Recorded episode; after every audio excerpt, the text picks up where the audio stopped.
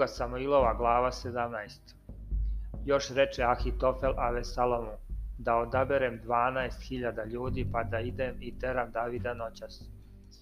Pa ću ga stignuti dok je umoran i iznemoglih ruku i uplašit ću ga, te će pobeći sav narod što je s njim, pa ću ubiti cara samog. I obratit ću sav narod k tebi, jer za onim koga tražiš stoji da se svi vrate k tebi, tada će se sav narod umiriti i to se učini dobro Avesalomu i sav stare, svim starešinama Izraeljevim. Ali reče Avesalom, dozovite i Husaja Arhijanina da čujemo šta će i on reći. A kad dođe Husaj ka Avesalomu, reče mu Avesalom govoreći.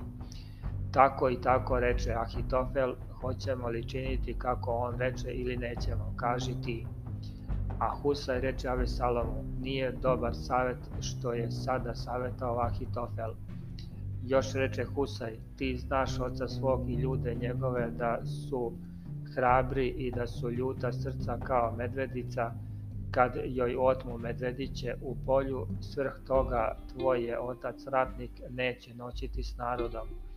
Gle, on se je sada sakrio u kakvu jamu ili na drugo kako mesto pa ako u prvi mah koji od ovih poginu ko god čuje svaki će reći pobijen je narod koji prista za Avesalomom a tada će najhrabriji u kojih je srce kao srce lavovo klonuti jer sav Izrael zna da je tvoj otac junak i da su hrabri koji su s njim zato ja savetujem da skupiš k sebi sve Izraelice od dana do Visaveje da ih bude kao peska na moru, pa ti glavom idi u boj.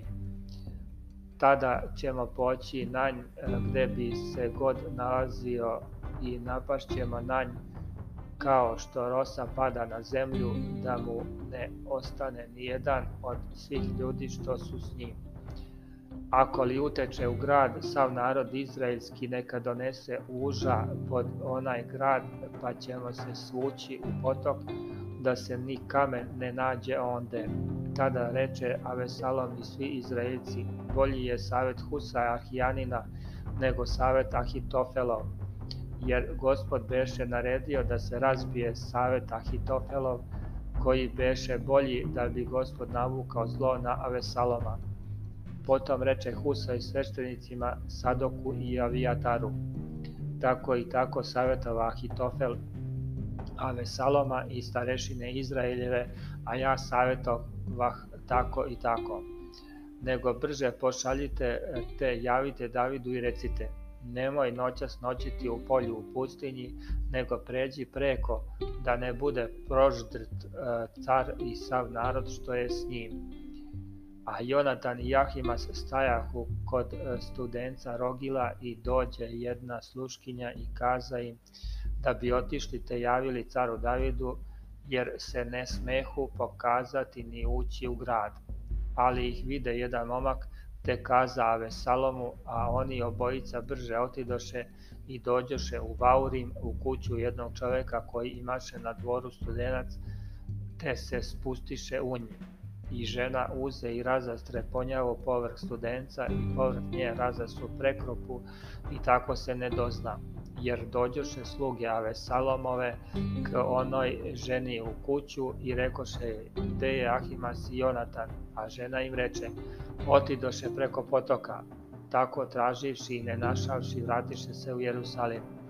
A kad otidoše oni izađoše iz studenca i otidoše te javiše caru Davidu i rekoše mu, ustanite i pređite brže preko vode jer je tako i tako savetao Ahitofel na vas Tada usta David i sav narod što beše s njim i pređoše preko Jordana pre zore, ne ostani jedan da ne pređe preko Jordana.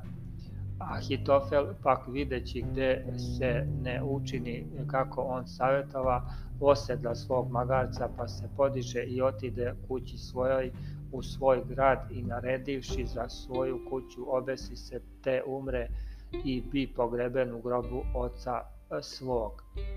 A David dođe u Mahanaim, a Vesalom pak pređe preko Jordana i sav Izrael što beše s njim.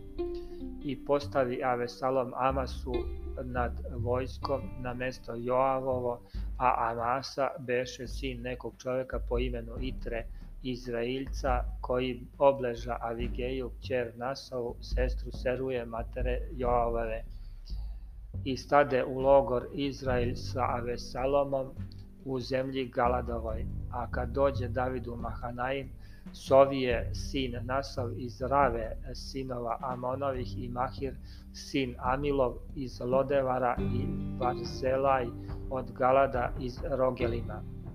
Donesoše postelje i čaša i sudova i zemljanih i pšenice i ječma i brašna i prekrute i boba i leća i prženih zrna i meda i masla i ovaca i sira kravljeg donesoše Davidu i narodu što beše s njim da jedu, jer govorahu, narod je gladan i umoran i žedan u toj pustinji.